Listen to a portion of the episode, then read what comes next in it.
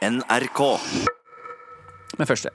Dataspillet Fortnite, som har vært eh, årets store suksesshistorie i spillverden. Det sprekker litt opp nå, Anne?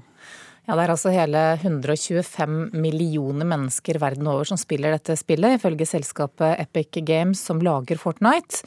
Nå får spillet kritikk for manglende sikkerhet på mobilversjonen av spillet.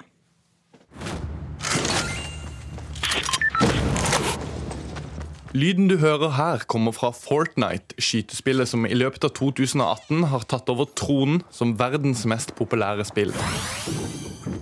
Men nå kan det være farlig for telefonen din å laste ned spillet. Da kan du åpne for at andre tar over telefonen din, enten ved å legge inn ting som, som bruker telefonen din til ting den ikke er ment å brukes til, eller eh, legge inn en keylogger som kan eh, se på alt det du gjør, stjele passord, hacke seg inn i nettbanker eller eh, sosiale medier f.eks. Det sier NRKs fagansvarlige for mobil, Ola Nordbryn. En stor del av suksessen til spillet er at det funker overalt. Så hvis du spiller på PlayStation, laster du ned gjennom PlayStation Store. Hvis du spiller det på iPhone, laster du ned gjennom Apple Store. For litt over en måned siden ble spillet også tilgjengelig for Android-telefoner, men til alles overraskelse ikke gjennom Googles sertifiserte nettbutikk Google Play. I stedet oppfordra Fortnite sine kunder til å laste ned spillet direkte via deres egen side. Ved å laste ned apper utenfra de godkjente butikkene, så kan du potensielt sett få ting som ikke er det de utgir seg for å være. F.eks. malware eller virus. Det har vært tilfeller av virus i de vanlige nettbutikkene òg, men 99,9% ligger utenfor de sertifiserte nettbutikkene. Grunnen til at Fortnite gjør dette, er fordi de ikke vil betale Google 30% av omsetninga på spillet, som er avtalen når man bruker Googles nettbutikk. Det er jo selvfølgelig forståelig at man vil ha mest mulig penger ut av forbrukerne. Men eh, det er jo også de 30 man betaler for distribusjon og garanti for at eh, det produktet du skal selge, når helt ut til forbrukeren? Altså, Det er jo helt åpenbart en businessavgjørelse her. Her skal de prøve å tjene mer penger på populariteten. Og eh, ja, de kan tøye grensene litt mer enn de andre. Tidligere YouTuber, nå NRK-ansatt Dennis Vareide, syns det er spesielt problematisk at dette skjer med Fortnite, et spill som er mest populært blant barn og unge. Eh, men det er jo skummelt, fordi med Fortnite og den unge brukerbasen, så er det veldig lett, spesielt for de aller yngste, å trykke på Eh, litt rare linker. Og det er jo allerede et problem med så populære spill at det finnes mye hackere og skammere som prøver å lure ut penger av disse barna. Og eh, at de går vekk fra Google sin butikk, det er, eh, da tror jeg det blir et enda større problem. NRKs Ola Nordbryn tror Fortnite setter en farlig trend som flere kommer til å følge. Når en så stor utvikler som Epic gjør det her, så setter det en trend som jeg tror mange andre kommer til å følge etter. Og da blir det vanligere og vanligere at man åpner Android-telefonene sine for å legge inn eh, programmer fra ukjente kilder, eh, som man da kan laste ned fra hvor som helst på internett. NRK har flere ganger prøvd å kontakte Epic Games for en kommentar, men det har ikke lyktes redaksjonen. Reporter her, det var Daniel Eriksen. Så til en eh, sak som ble kjent i går, nemlig at EU likevel stemmer ja til en lovendring som kan gi norske artister millionsummer fra teknologigiganter som YouTube og Facebook. Vedtaket blir karakterisert som en full seier til musikere og kunstnere, men også som et nederlag for ytringsfriheten.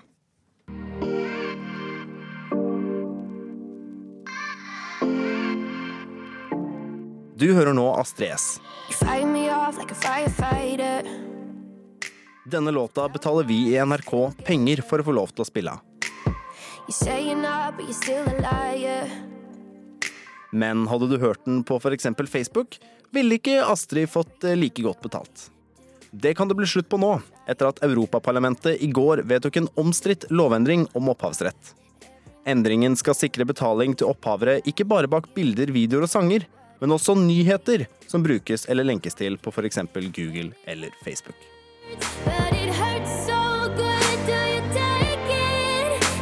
Musikere og rettighetshavere jubler, men det fins også sterk motstand, som kaller lovendringen et angrep på ytringsfriheten.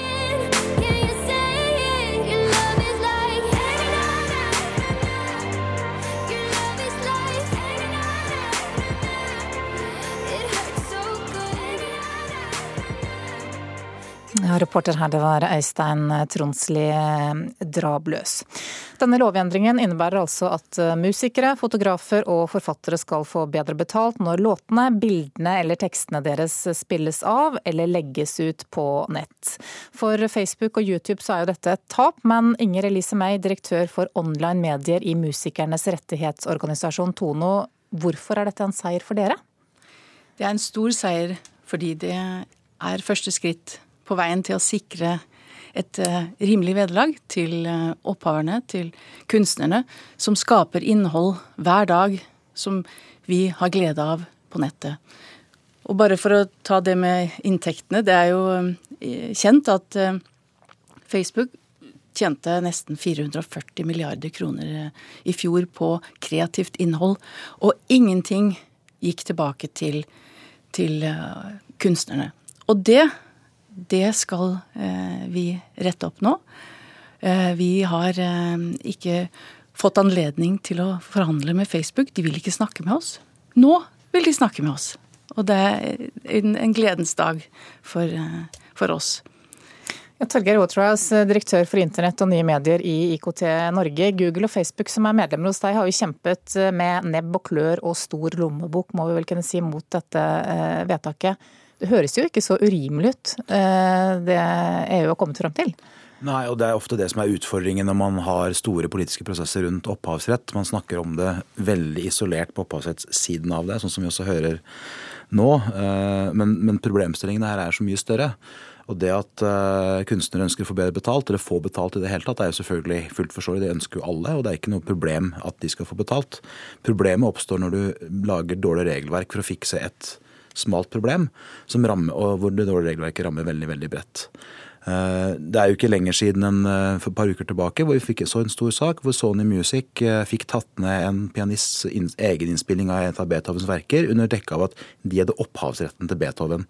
Så det skaper mange problemer av den type, og i tillegg så inneholder dette regelverket også mye om forhåndssensur, altså hvordan de store leverandørene plikter, eller skal plikte hvis det blir vedtatt slik, og passe på at innhold som ikke skal ut på nettet, ikke kommer ut på nettet. og Da må alt følges med på. Og, og, Det er jo her det alltid blir problem med opphavsrettsfokuset, fordi man ser ikke det i balanse med de andre verdiene og rettighetene i samfunnet. Men f.eks. Facebook har jo eh, altså, type sensurregler allerede i dag. De ser jo på bilder man ikke skal legge ut, f.eks. Husker du dette Vietnam-bildet? Mm. Men det er, og det her er utfordringen. Skal du se på absolutt alt? Skal du, skal du mappe alt mot noe? Ja, Men de gjør tydeligvis det, da. Eh, nei, de, de, gjør ikke det med alt. så det er mange komplekse prosesser her. Men hvis man skal lykkes med i praksis å sørge for at materialet som noen har rettigheten til, ikke kommer ut på nett, må du også ha en stor database over alt noen har rettighetene til, for å, å måle mot. Og Jeg gleder meg til å se den dagen norske opphavere skjønner at de må registrere verkene sine overalt i hele verden for i det hele tatt kunne være i nærheten av å gjennomføre dette. Ja, Inger Elise og meg, Tone, er det et problem? Altså, Dette handler jo ikke om sensur. Det er typisk eh, Vi hører eh, Waterhouse argumenterer på akkurat samme måte som da han forsvarte Pirate Bay og retten til å bruke musikk gratis. Jeg har aldri det, forsvart Pirate Bay, og det vet Det var også en diskusjon om knebling av ytringsfrihet og sensur av nettet. Men dette handler om å sikre kunstnerne et anstendig vederlag for den bruken. Og det nå har vi fått et ny åndsverklov i Norge, nå, nettopp. Eh, og da Det skal sikre opphaverne en, et rimelig vederlag. Og vi har hørt i over 20 år at internett dør hver gang det kommer opp et forslag om å fordele noe av den gigantiske inntekten som disse store selskapene tjener, så hører vi at dette medfører at nettet vil bli stengt.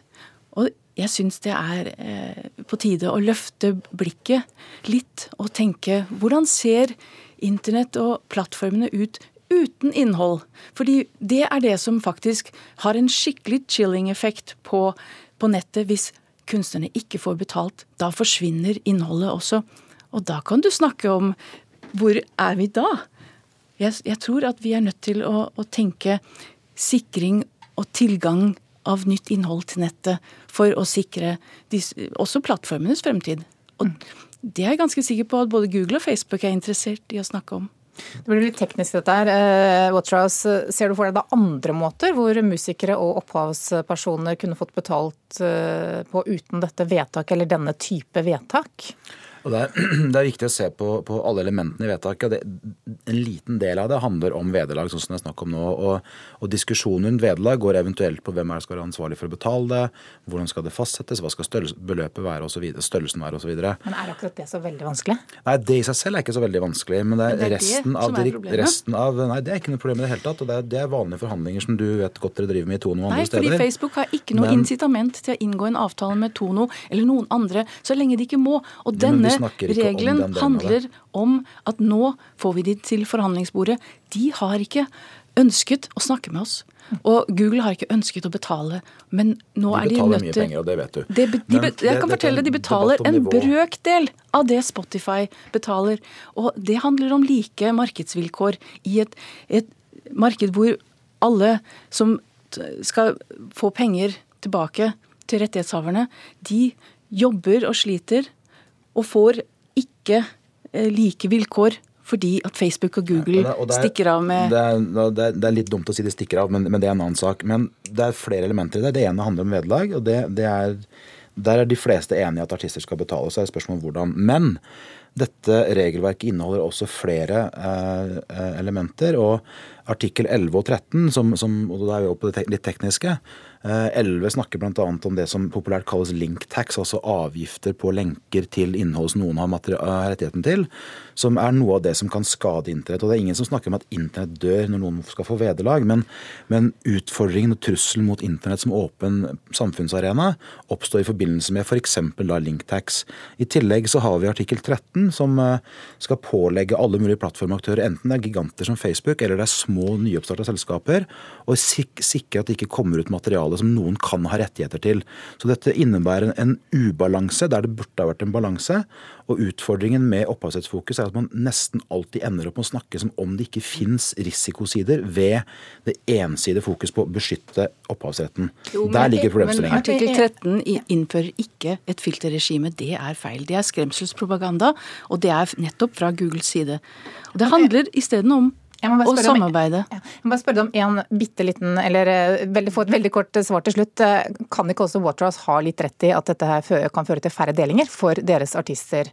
Eller for artister som da er medlemmer hos dere? Nei, fordi dette her er såre enkelt. Det er bare å inngå en avtale med rettighetshaverne. Så har du alt på plass.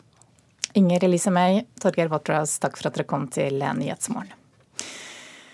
I morgen så er det norgespremiere på en film som heter Don't Worry, He Won't Get Far On Foot. Dette er den nyeste filmen fra regissør Gus van Sant, og vår filmkritiker Birger Vestmo har sett den. The last day that I walked, I woke up without a hangover. Wow, pretty groovy day, huh? I knew I had an hour or so of grace before the withdrawal symptoms set in. Det er godt å se regissør Gus van Sant tilbake på et respektabelt kvalitetsnivå. Etter fadesen med The Sea of Trees i 2015, som ble bua ut i Cannes og aldri vist på kino i Norge, kommer han nå med Don't Worry He Won't Get Far On Foot. Dette er et humoristisk og underfundig drama, med en flott hovedrolle av Joaquin Phoenix i godt slag. Filmen er basert på en sann skjebne, med sorgfullt savn og håpefull forsoning som gjennomgående tema. Fansant er riktignok ikke i nærheten av nivået fra Drugstore Cowboy i Drift mot Idaho eller Elephant, men hans finurlige egenskaper som forteller gjør Don't Worry He Won't Get Far On Foot til en bittersøt historie med både vidd og brodd.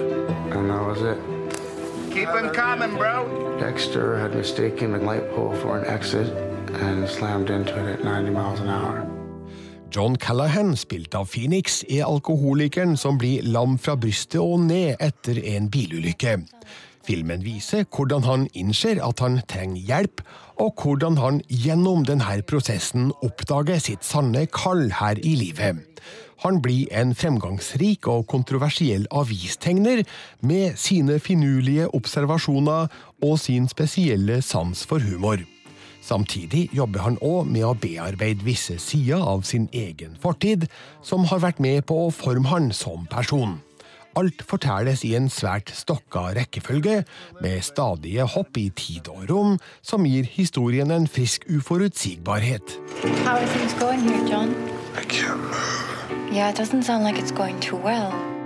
Joaquin Phoenix har en sterk tilstedeværelse gjennom hele filmen, der han formidler hovedfigurens problematiske utfordringer med overbevisning, uten å være insisterende eller overtydelig.